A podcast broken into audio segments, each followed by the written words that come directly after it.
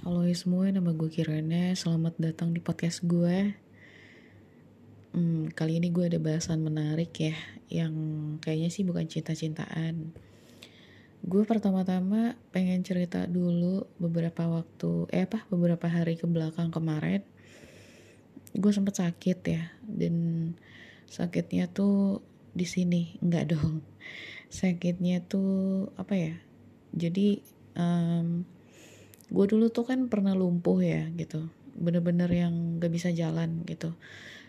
Uh, kalau jalan tuh bener-bener yang nyeret badan. Itu karena cikungunya. Itu cikungunya tuh dia yang diserangnya kan adalah sendi-sendinya tuh. Sendinya tuh kayak mati gitu. Jadi dalam beberapa hari gue tuh nggak bisa ke mana-mana. Sampai ada obat yang emang bener-bener menopang kaki gue ini untuk bisa bergerak gitulah ya. Nah jadi gue nggak tahu kemarin itu uh, apa ya gue tuh kayak ngerasain hal yang sama tapi di kaki kanan gue doang gitu. Ini gue cerita cuman kayak gimana ya cuman sekedar bercerita gitu.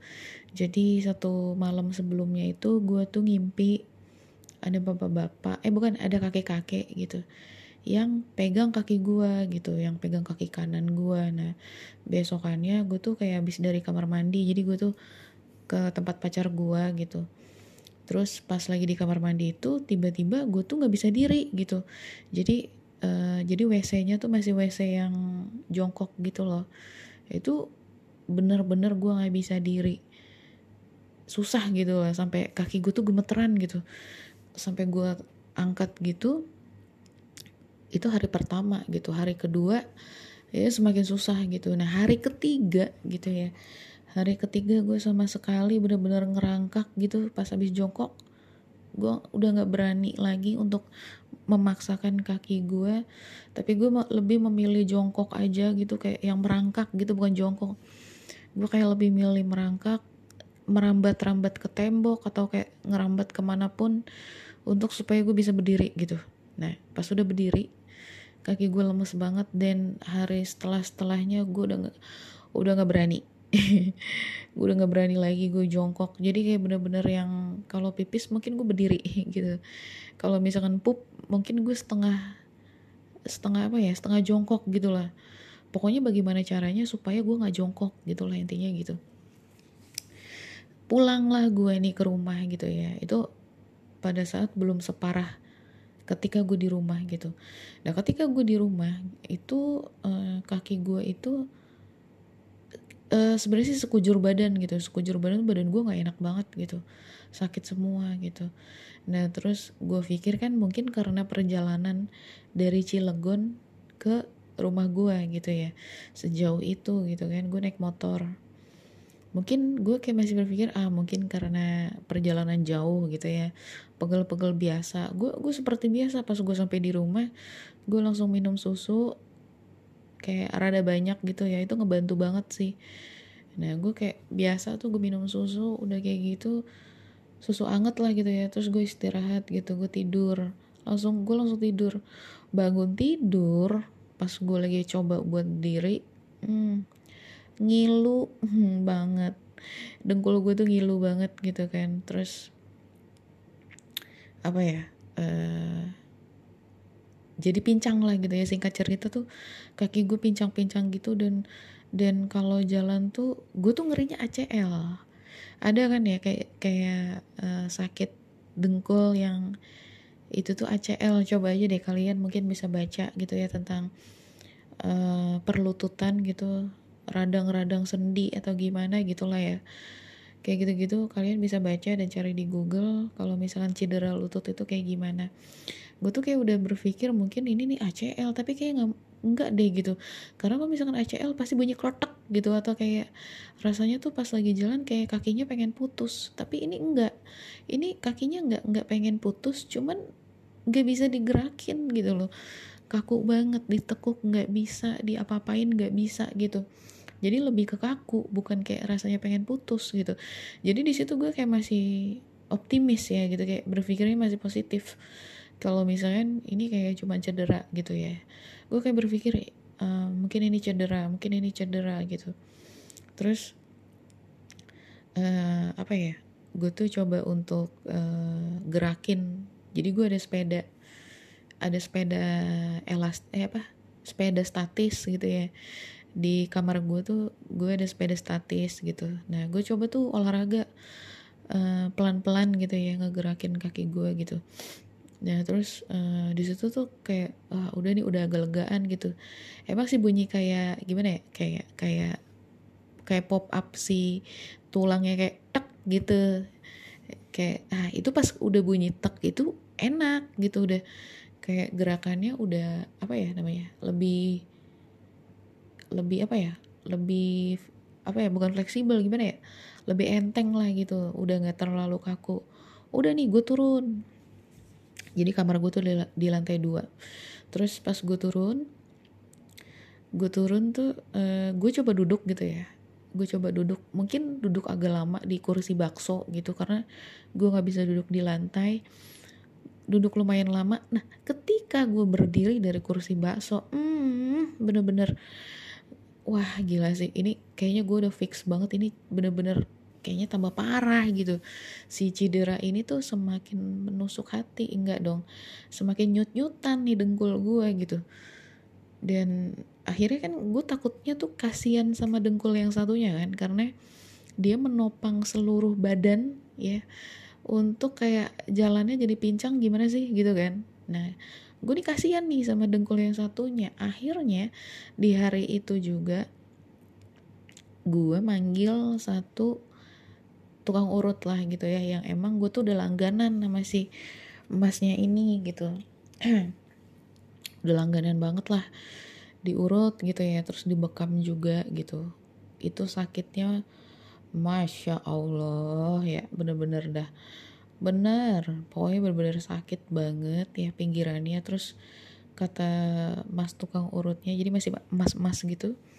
Jadi tukang urutnya tuh bilang ini tuh uratnya udah ngerungkel kata dia. Jadi uratnya tuh sudah sudah sudah sudah sudah bertumpuk gitu. Udah ngerungkel lah gitu. Nah terus uh, karena gue nggak kuat itu sakit banget dan akhirnya dibekam gitu dibekam pun tahu kan kalau dibekam tuh kan disedot ya gitu. Kulitnya tuh disedot gitu.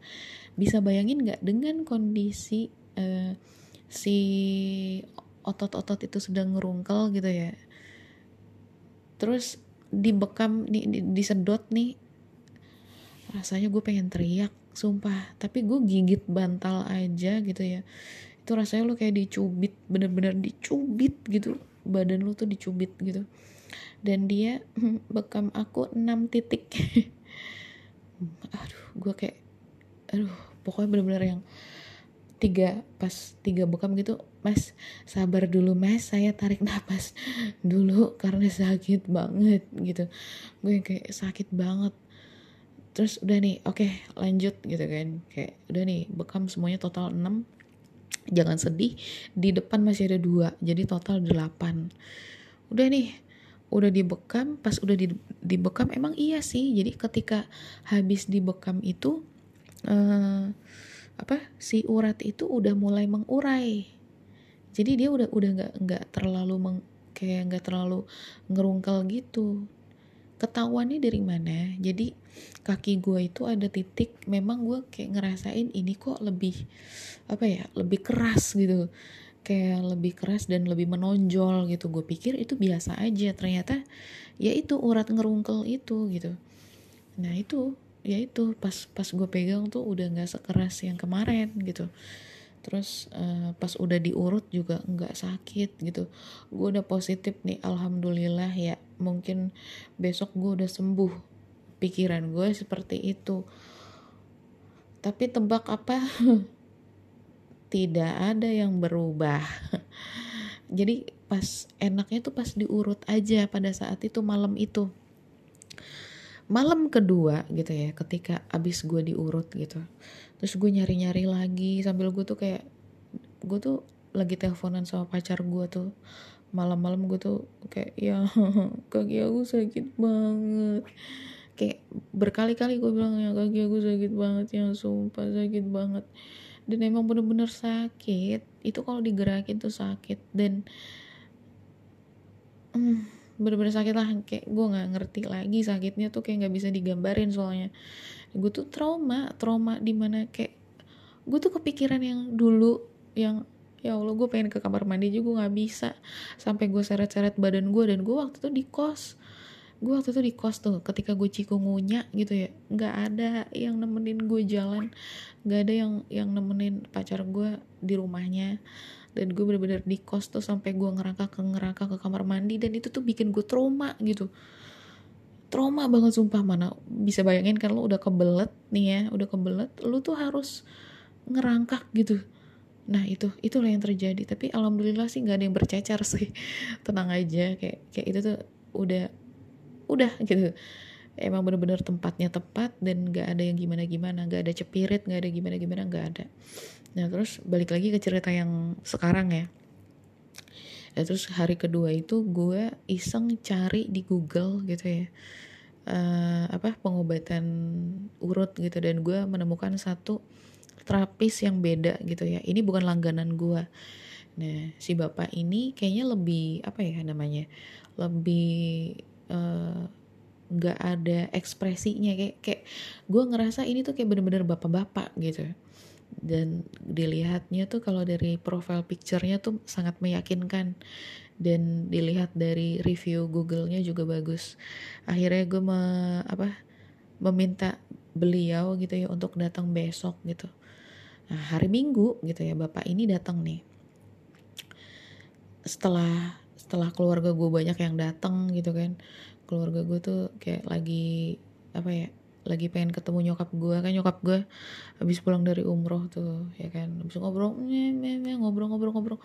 Udah pulang gitu kan ya. Pulang terus uh, nyokap gue apa akhirnya pas banget beberapa menit kemudian tukang urutnya datang dan ini kayaknya bukan tukang urut biasa dia tuh kayak pijit refleksi gitu uh, pertama dia berdoa ya seperti biasa. Dia pegang kaki gue gue ngerasain banget dia lagi berdoa. Dia uh, pegang kaki gue terus kayak oke okay, mulai gitu kali dalam hatinya oke okay, mulai gitu. Nah terus pas diurut eh, apa namanya direfleksi nih dari kaki ya alhamdulillah ya uh, telapak gue aman gitu ya. Aman. Dia naik ke atas hmm, mulai Pak, Bapak sabar ngurut saya ya. Sakit. Sakit. Saya bakal kelojotan. Gue udah gue bilang aja di awal gitu ya. Gue bilang kayak, "Pak, sabar ya, Pak. Saya bakal kelojotan banget sih, Pak, karena sakit banget sumpah." Kenapa, Mbak? Pedes ya? gitu. Gue deh yang kayak bener-bener bukan iya, bukan apa. Iya, Pak. Pedes pedes banget gila. Kayak bener-bener yang nih udah gitu dia kayak gimana ya antara bercanda nantangin atau songong. Itu kayaknya kayak jadi satu gitu. Kata dia gini uh, coba ya nih setiap yang saya pencet pasti sakit kata dia gitu. Nih satu mati. Dua mati lu. Tiga mati aja lu. Nggak nggak nggak kayak gitu nggak kayak gitu. Jadi kayak aduh. Buh gitu. Kayak ekspresinya tuh kayak wow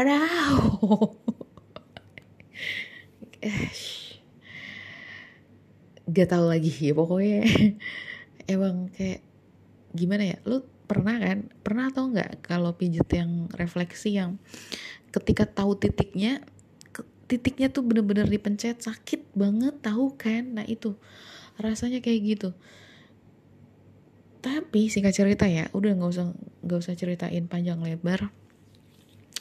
Singkat cerita si bapaknya ini berhasil ngebuat gue uh, apa ya bukan jatuh cinta bukan.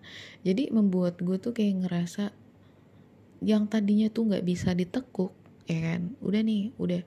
Dia coba pelan-pelan untuk nekuk kaki gue Alhamdulillah itu kaki gue bisa nekuk. Kaki gue bisa nekuk saudara-saudara. Tadinya gue pikir ya Allah ya Allah ya Allah masa kaki gue kagak bisa nekuk lagi gitu. Alhamdulillah ya Allah kaki gue bisa nekuk lagi guys.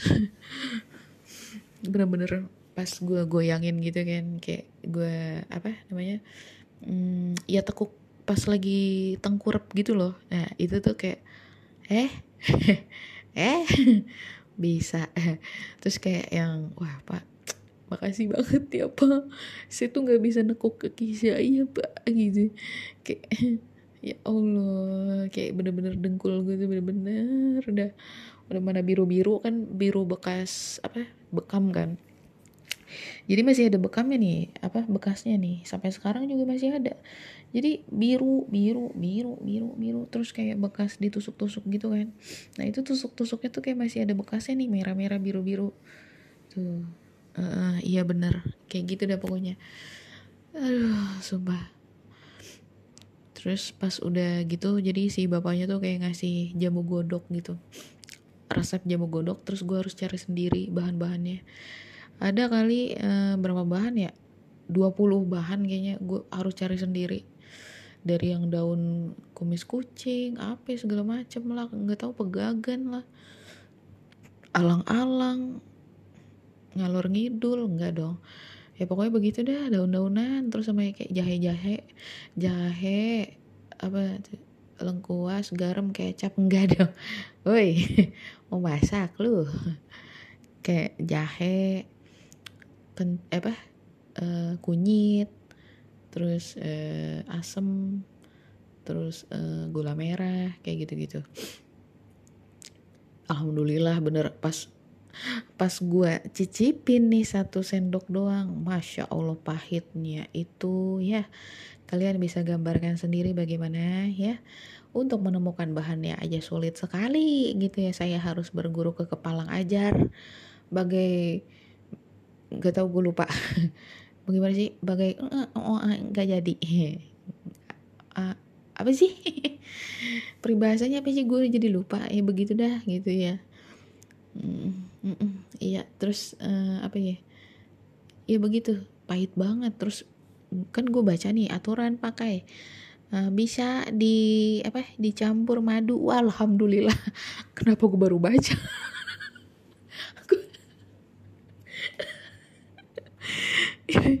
bener. Gue tuh udah sama nyokap gue nih ya berdua. Bu ini beneran kudu diminum ini gitu. Iya kamu ikhtiar ya kamu minum ya semoga kamu cepat sembuh. Gue kayak pahit banget bu pahit banget. Gue bilang gitu kan terus kayak mak gue hmm, nggak hmm, apa-apa namanya juga obat yuk minum yuk. Gila lu satu satu sendok aja nih. Pahit banget bagaimana itu satu gelas hmm kelojotan gak lo? Terus pas udah setengah jalan gue baca aturan pakai ngomong-ngomong ada tulisan madu gue tuh udah setengah jalan nih. Udah setengah jalan. Gue kalau inget tuh pengen nangis anjir. Udah udah setengah jalan ya. Kemudian saya lihat itu tulisan madu paling bawah kecil sekali.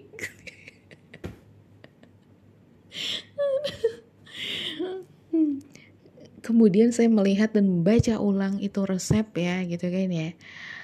Ramuan gitu kan kayak ramuan ini dapat dicampur dengan madu. Kenapa nggak dari awal? Kenapa?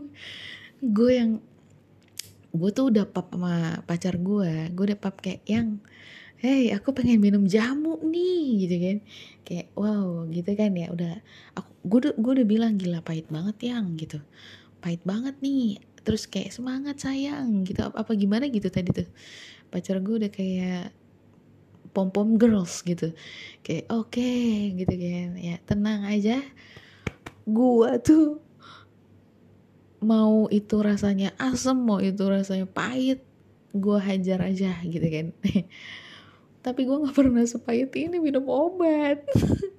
Ini tuh kayak seribu kalinya obat pahit. Ini bener-bener kayak bener-bener seribu kali obatnya.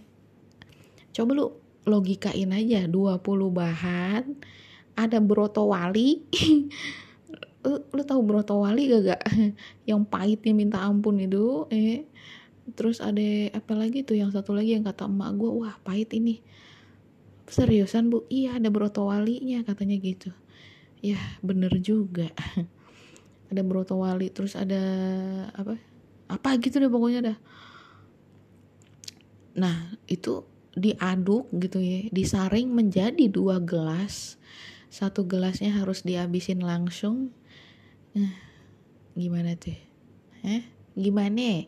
Seribu kalinya obat-obat pahit yang ada di dunia ini. Nah itu tuh jadinya itu tuh.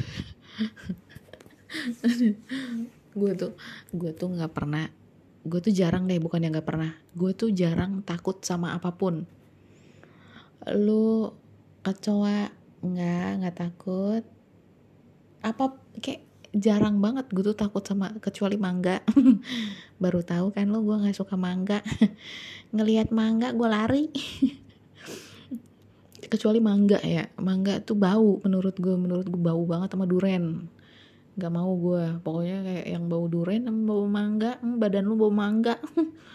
Nggak dulu deh gitu ya kalau baunya kayak bau leci hmm, gue jilat-jilatin lo gitu kan. Baunya bau mangga hmm.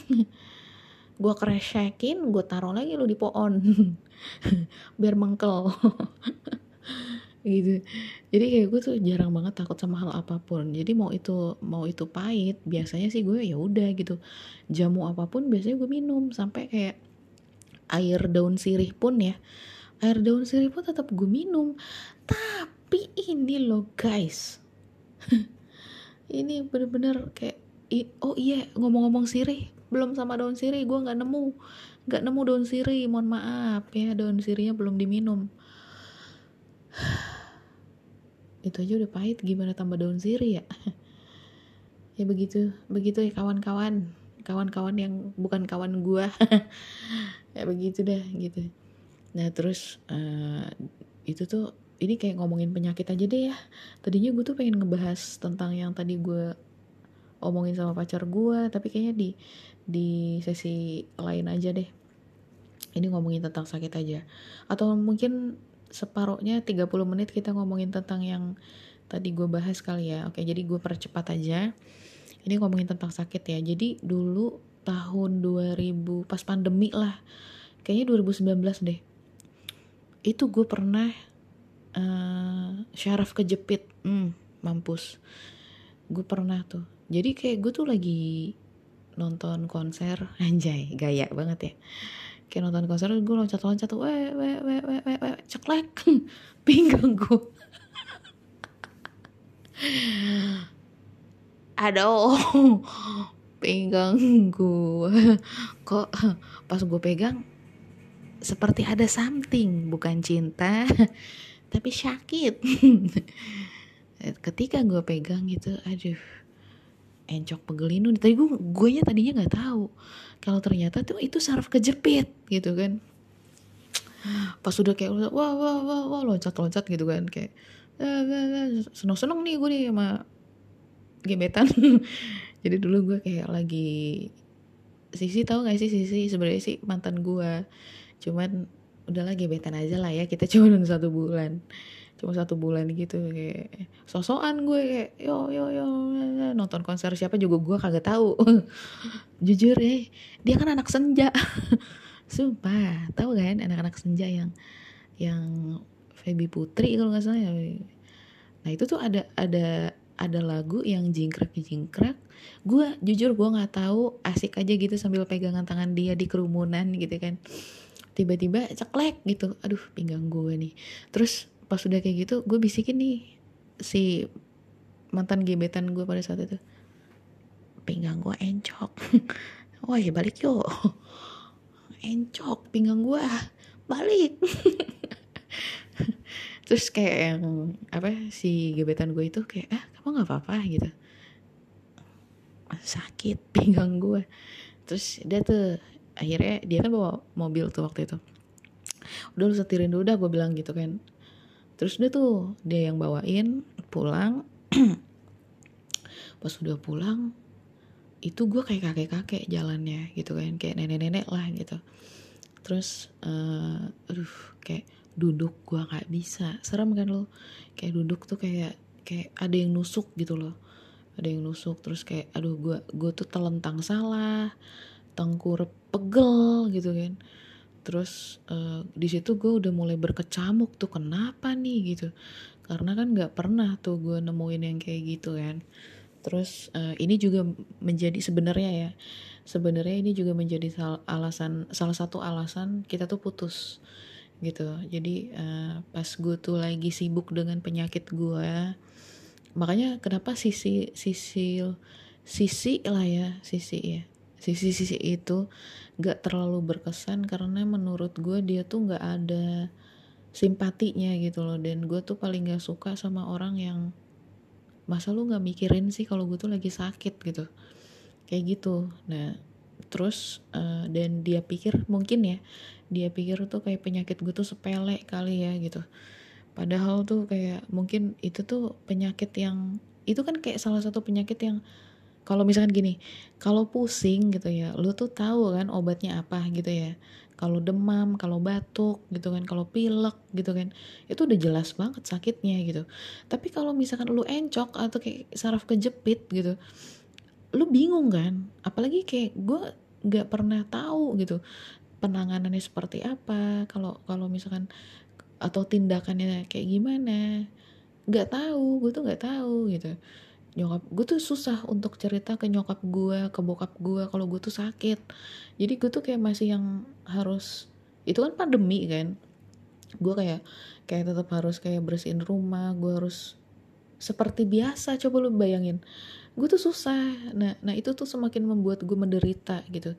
Di satu sisi si sisinya ini lagi kayak minta perhatian dan pengennya main ke rumah gue terus lu ngotak gak sih ada orang tua gue dan gue tuh kondisinya lagi nggak banget kayak gitu. Dan pokoknya menurut gue nggak banget dan akhirnya kayak ya udah. Kayak kata dia ya udah kita udah nanya. Loh dengan senang hati gue bilang gitu. Ya dengan senang hati ya udah gitu. Dia sama sekali nggak berkesan jadinya. Jadinya dia itu gue tuh nggak pernah menceritakan orang yang menurut gue nggak berkesan. Gitu. Jadi eh, gue nggak pernah tertarik sama hal yang tidak berkesan. Kalau dia nggak berkesan di hidup gue gue tidak akan menceritakan dia gitu. Nah si sisi ini udah singkat cerita dia udah udah putus sama gue gue fokus nih ke penyakit gue gitu kan. Gue cari di YouTube gue cari di mana pun gitu ya. Gue cari gue gue baca gue nah gue ketemu curhatannya si TJ jadi TJ itu dia penyiar radio di Prambors, Prambors FM gitu ya, mantan mantan penyiar gitu. Uh, terus uh, eh dia tuh di mana ya? Penyiar di TJ yang sekarang kontennya masak-masak lah gitu. Yang alau uh, kalau misalnya mau ngikut ya ayo kalau enggak mau udah gitu ya kayak begitu apa ya siapa ya namanya ya TJ ya itu ya namanya ya. Ya pokoknya itu dah. Yang sekarang kontennya masak-masak dah pokoknya. Nah terus dia tuh di situ dia curhat tuh. Kalau misalkan dulu dia pernah kena penyakit syaraf kejepit dan syaraf kejepit tuh penyakit yang apa ya yang lu berdoa dah bener-bener berdoa dah gitu ya. Ada yang sampai lumpuh ada yang sampai ya mungkin itu udah, yang gawat banget lah ya gitu ya gue tuh di situ tuh gue positif tuh karena gue ketemu ceritanya si TJ gitu ya. Si TJ ini salah satu orang yang sudah berhasil dari uh, berhasil sembuh dari penyakit itu. Nah terus dia cerita kalau misalkan uh, dia tuh sering kompres punggungnya gitu. Terus dia tuh sering ngelakuin gerakan-gerakan yang apa tuh terapi-terapi kayak gitu. Nah oke. Okay. ada beberapa hal yang gue harus catat ya. Jadi kompres dan uh, apa latihan gerakan. Oke okay. gue cari di Google eh, eh gue cari di YouTube gitu ya. Gerakan uh, apa tuh? Gerakan uh, syaraf kejepit apa ya kalau nggak salah. Nah ada tuh satu mbak-mbak gitu ya. Mungkin dia fisioterapi kayaknya.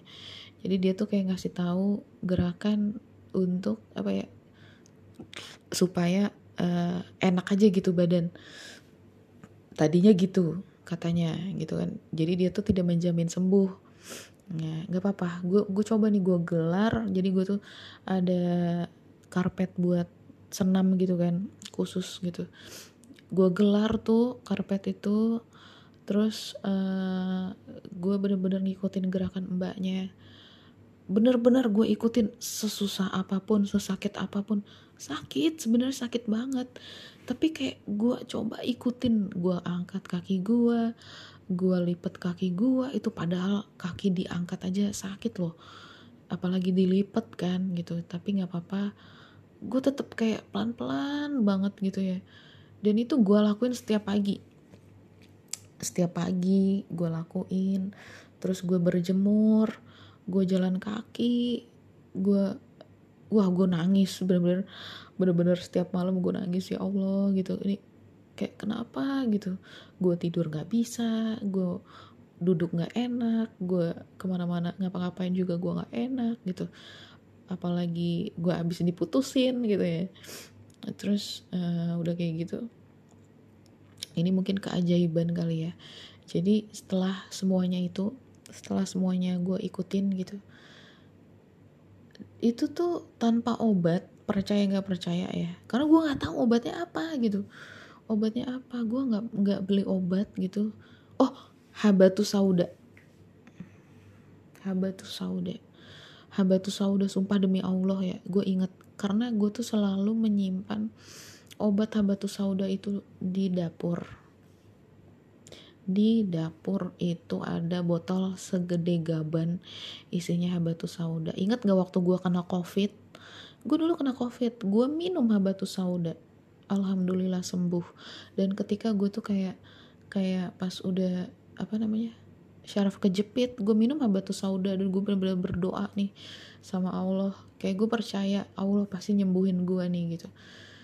Itu sembuh sembuh bener alhamdulillah gitu. Jadi uh, mungkin ya gimana ya? Bahkan nyokap gue aja nggak tahu. Nyokap gue aja nggak tahu gue kena syaraf kejepit tuh nggak tahu gitu. Padahal gue tuh udah selalu pegang punggung gue tuh nggak mau orangnya tuh nggak mau ngasih tahu kalau gue tuh sakit gitu loh. Gue tuh selalu pengen uh, gue tuh baik-baik aja gitu loh di di depan orang tua gue gue tuh kayak nggak mau ngebebanin lah gitu nggak mau bikin orang tua gue tuh berpikir yang macem-macem. Dan waktu sama aja waktu gue dulu cikungunya itu gue tuh rasanya nggak enak banget. Karena bener-bener gue butuh bantuan orang lain gitu. Sampai si Angel dulu juga ngebantuin gue gitu ngasih obat. Terus juga bantuin periksain kaki gue kayak gitu-gitu.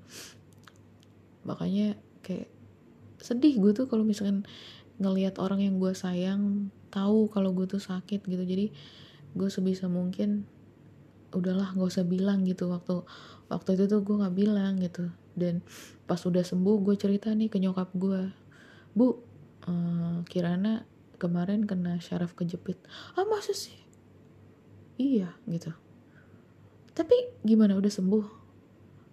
Uh, alhamdulillah gue bilang gitu jadi kayak bener-bener pas udah bener-bener sembuh gue baru bilang udah tuh gimana emang rasanya? Gimana ininya? Gitu. Baru tuh emak gue tuh nanyain iya gini jadi kalau saraf kejepit tuh rasanya kayak gini gitu.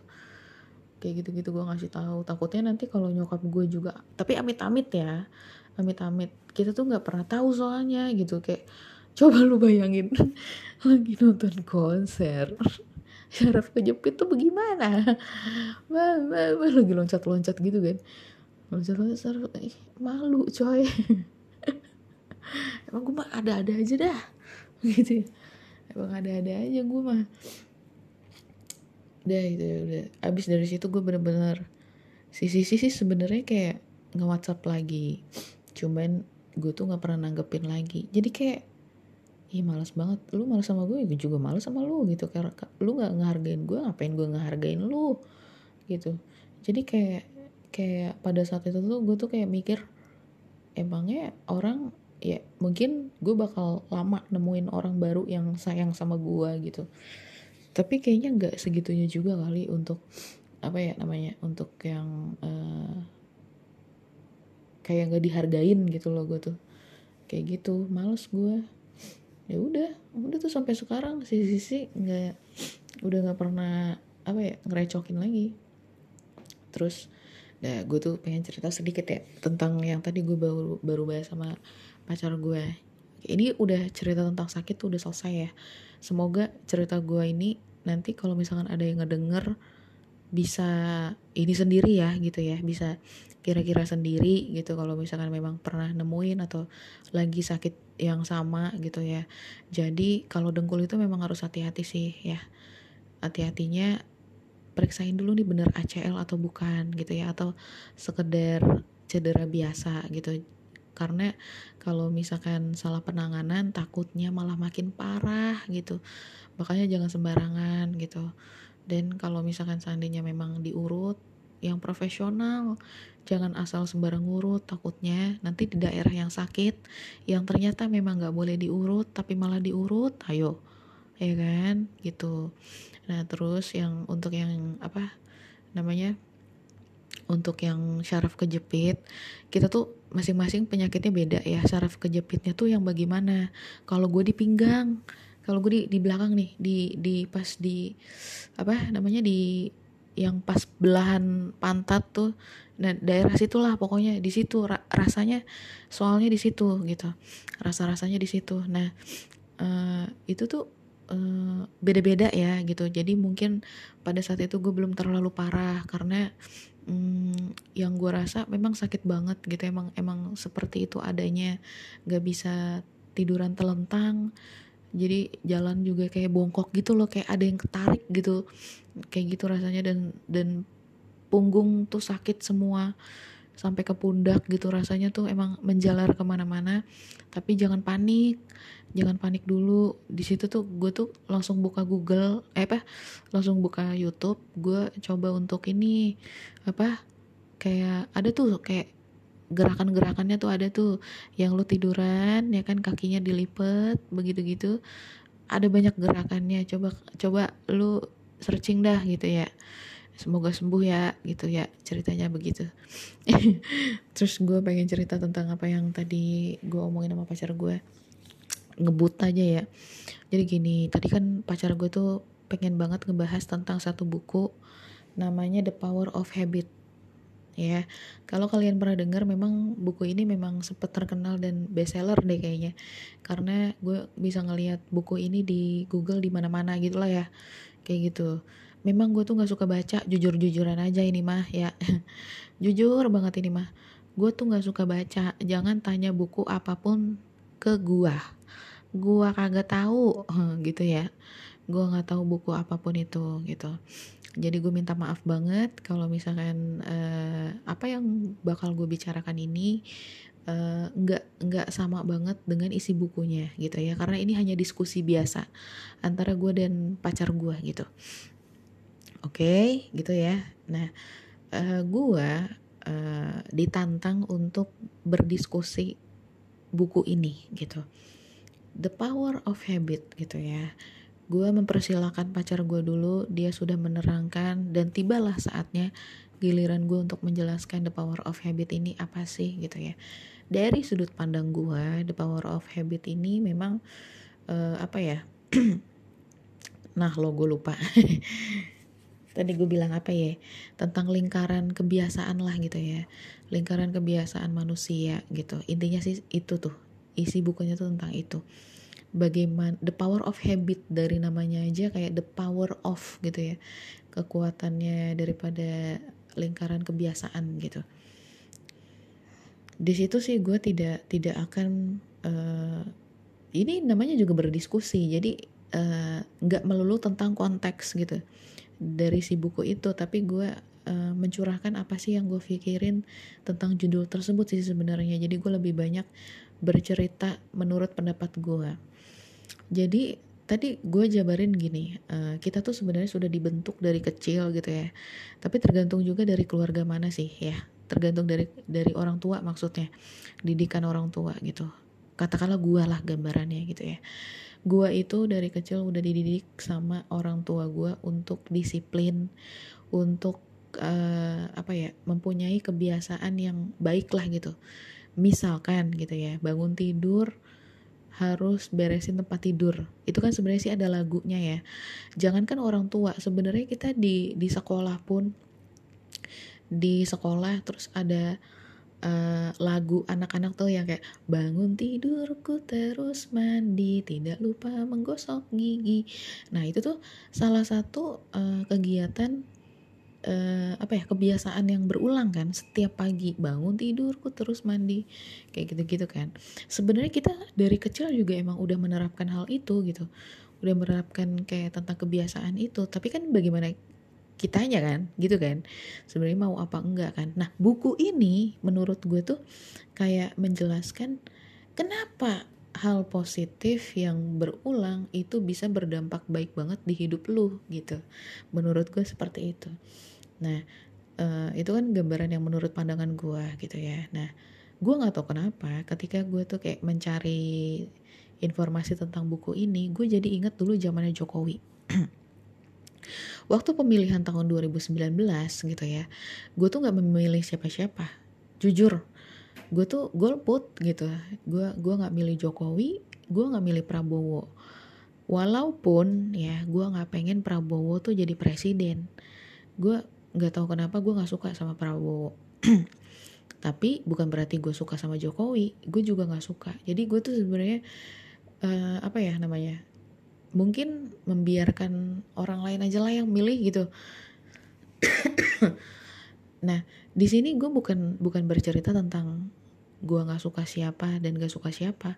Tapi gue pengen pengen apa gue tuh jadi teringat uh, dulu zamannya pemilihan presiden tahun 2019 Jokowi itu punya program program kampanye ya di mana ada kata-kata uh, apa revolusi mental gitu ya. Revolusi mental. Kalian inget gak sih dulu tuh yang rame banget diperbincangan itu revolusi mental? Apa sih revolusi mental? Ya balik lagi deh terserah kalian deh mandangnya kayak gimana. Cuman di dalam revolusi mental itu terdapat ya menurut gue ya gue tuh melihatnya gini di dalam revolusi mental terdapat satu kegiatan berulang juga gitu. Ada lingkaran yang berulang. Apakah itu? Di dalam revolusi mental itu kita itu disuruh untuk uh, katakanlah gini, yuk buang sampah pada tempatnya. Iya kan? Yuk buang sampah pada tempatnya. Terus uh, kalian udah ngerti gak sih maksud gue? Kayak yuk buang sampah pada tempatnya. Di situ kan kayak ada kata-kata apa ya? Ada kata-kata bukan semboyan apa? Aduh tadi gue bilang apa ya? Kata-kata apa sih itu namanya? Bukan asupan. Aduh gue tuh orangnya lupaan coy. Maaf ya. Kata-kata apa ya? Itu ya uh, slogan gitu ya. Itu kan slogan itu kan kayak mengajak untuk jadi lebih baik kan. Dan dan itu kan kayak kegiatan berulang kan. Seti oh kayak di dalam mental kita kayak di dalam di dalam pikiran kita tuh kayak oh abis makan ada sampahnya buang sampah ke tempat sampah. Gitu kan? Nah itu tuh kayak menurut gue revolusi mental tuh salah satunya gitu. Jadi kalau misalkan seandainya ada ada sungai yang banjir gitu ya itu jangan menyalahkan pemerintahnya gitu. Coba ngaca sama diri sendiri apakah gue jadi salah satu orang yang suka membuang sampah sembarangan sehingga gitu ya di sungai itu kayak uh, apa tuh namanya entah itu kayak gak usah sungai deh di gorong-gorongnya itu jadi kayak tersumbat sehingga kayak seharusnya tuh di gorong-gorong itu alirannya tuh seharusnya mengalir uh, seperti biasa tiba-tiba tuh karena sampah-sampah itu akhirnya banjir gitu ya atau kayak uh, dan lain sebagainya lah gitu alasan banjir apa apa sih gitu kan kayak gitu. Nah sekarang revolusi mental itu gue berasanya tuh kayak ya lu coba dong lu pikirin dong diri lu gitu kan. Lu menjadi salah satu orang yang suka buang sampah sembarangan gak atau kayak misalkan hal lain gitu kan. Misalkan lu sukanya tuh kayak mengkritik uh, pemerintahan gitu ya. Ketika lu sendiri yang menjadi kepala entah itu kepala di dalam satu perusahaan atau apakah lu bisa menyelesaikan semua permasalahan yang ada di kantor lu? Enggak kan gitu. Jadi kayak revolusi mental itu sebenarnya menurut gue baik banget ya pesannya ya. Walaupun revolusi mental itu sebenarnya sih katakanlah ya lu kerja aja sendiri. Lu kerjain sendiri itu memang kerjaan itu tuh adanya dari dalam diri lu. Sebenarnya sih presiden bilangnya gitu. Kasarannya ya kita tuh kayak yuk revolusi mental yuk. Emang emang yang kerja tuh diri lu sendiri. Itulah gitu loh. Kayak ini pinter sih ini gitu. Kayak presiden ini tuh pinter gitu. Berkampanye mengajak dengan cara seperti itu gitu. Nah ini tuh kayak kayak menurut gue tuh ada kaitannya dengan konsepsi the power of habit ini yang yang ada di buku itu gitu. Nah terus uh, kalau misalkan emang jadi kayak kayak ada sesuatu yang memang kita harus uh, apa ya namanya kita harus ulang-ulang menjadi habit gitu kan ya. Dan dan emang yang tadinya bukan habit jadi habit gitu. Yang kalau misalkan memang sih mungkin gak mudah ya untuk yang kayak gue jujur bangun tidur gue malah langsung cabut coy. Ngapain gue beresin tempat tidur? Gitu. Kadang malah pacar gue yang beresin gitu. Sebenarnya sih pacar gue juga males. Ngebuka kartu ya gitu tuh sama-sama males gitu. Tapi itu adalah satu sesuatu habit yang sebenarnya ternyata baik. Bangun tidur ngeberesin tempat tidur rapi gitu ya. Semuanya bersih kamar bersih terus mandi ya kan? Habis mandi jangan lupa gosok gigi ya kan? Habis uh, gosok gigi ku bantu enggak dong kerja. Ya lu udah gede kerja gitu ya. Nah, kayak begitu. Jadi kan kayak apa ya namanya emang sih nggak mudah gitu ya dan gue tahu kayaknya kebanyakan orang tuh kurang suka dengan proses. Orang-orang tuh apalagi di Indonesia ini ya gue ngeliat tuh pengennya beres. Tipe-tipenya tuh beres pengennya beres. Kenapa? Gue tuh udah lama di pelayanan. Gue kerja udah lama banget di pelayanan. Entah itu pelayanan yang dari kartu kredit dari perbankan lah gitu ya dari perbankan dari TV berbayar dari dari apa namanya kayak selling produk yang kayak elektronik gitu. Sampai dengan terakhir gue uh, customer service di pelayanan kelistrikan gitu. Gue tuh melihat tipe-tipe orang di luar sana itu sama pengennya beres. Apalagi di di di urusan kelistrikan nih. Mbak gini deh saya kasih mbaknya 100 beres. Mata lu 100 lu kata materialnya aja berapa ya babi? 100 100 baik lu. Lu kate. Lu beli aja no. Meteran 400 ribu. 100 enak aja lu. Gitu. Jadi kayak tipe-tipe orang tuh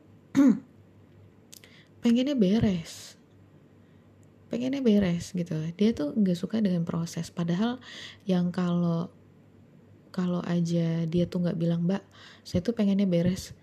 Diurus tuh nggak serumit itu. Cuman lu tuh nggak suka prosesnya. Lu nggak suka ngelengkapin dokumennya. Lu tuh nggak suka di foto-foto rumahnya gitu. Lu tuh nggak suka mengakui bahwa memang lu salah gitu ya kayak gitu. Orang-orang di luar sana tuh semuanya sama kayaknya kebanyakan lah gitu. Nah coba deh kalau misalkan habitnya tuh uh, tetap diperhatikan gitu ya. Seandainya kayak oh iya harus tetap kayak mematuhi peraturan. Terus juga oh iya ini tuh uh, bayar listrik tepat waktu misalkan. Terus oh iya tanggal segini tuh harus udah udah beres nih bayar-bayar. Atau gimana atau gimana. Selesai gak sih gitu loh kayak gitu. Nah tapi kayak tipe orang tuh kayak ah ntar aja lah gitu ya. Bayar listrik masih tanggal 20 gitu kan. Kayak eh taunya tanggal 20 tuh nggak ada. Gue ilangin dari kalender jadi tanggal 21 mampus. Panik nggak? Panik nggak? Gelap rumah lu. Rumah lu gelap ya kan? Kayak gitu. Ntar kalau udah gelap gimana sih ini PLN nyalain nggak rumah gue gue bacok lo semuanya gitu kan.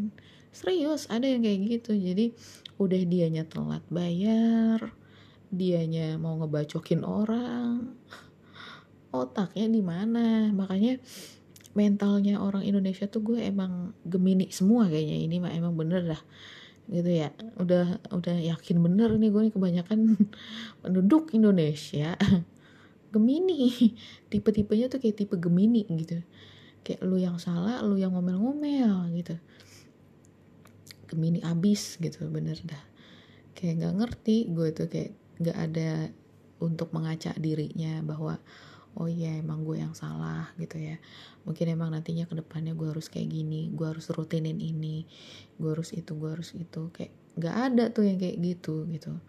Makanya pada saat itu gue bilang hebat karena itu karena revolusi mental tuh memang emang sangat penting gitu ya. Bukan berarti kita harus mengacak keluar negeri gitu ya ke orang-orang yang bule-bule yang misalkan kayak Jepang. Jepang tuh kan orangnya teratur banget ya.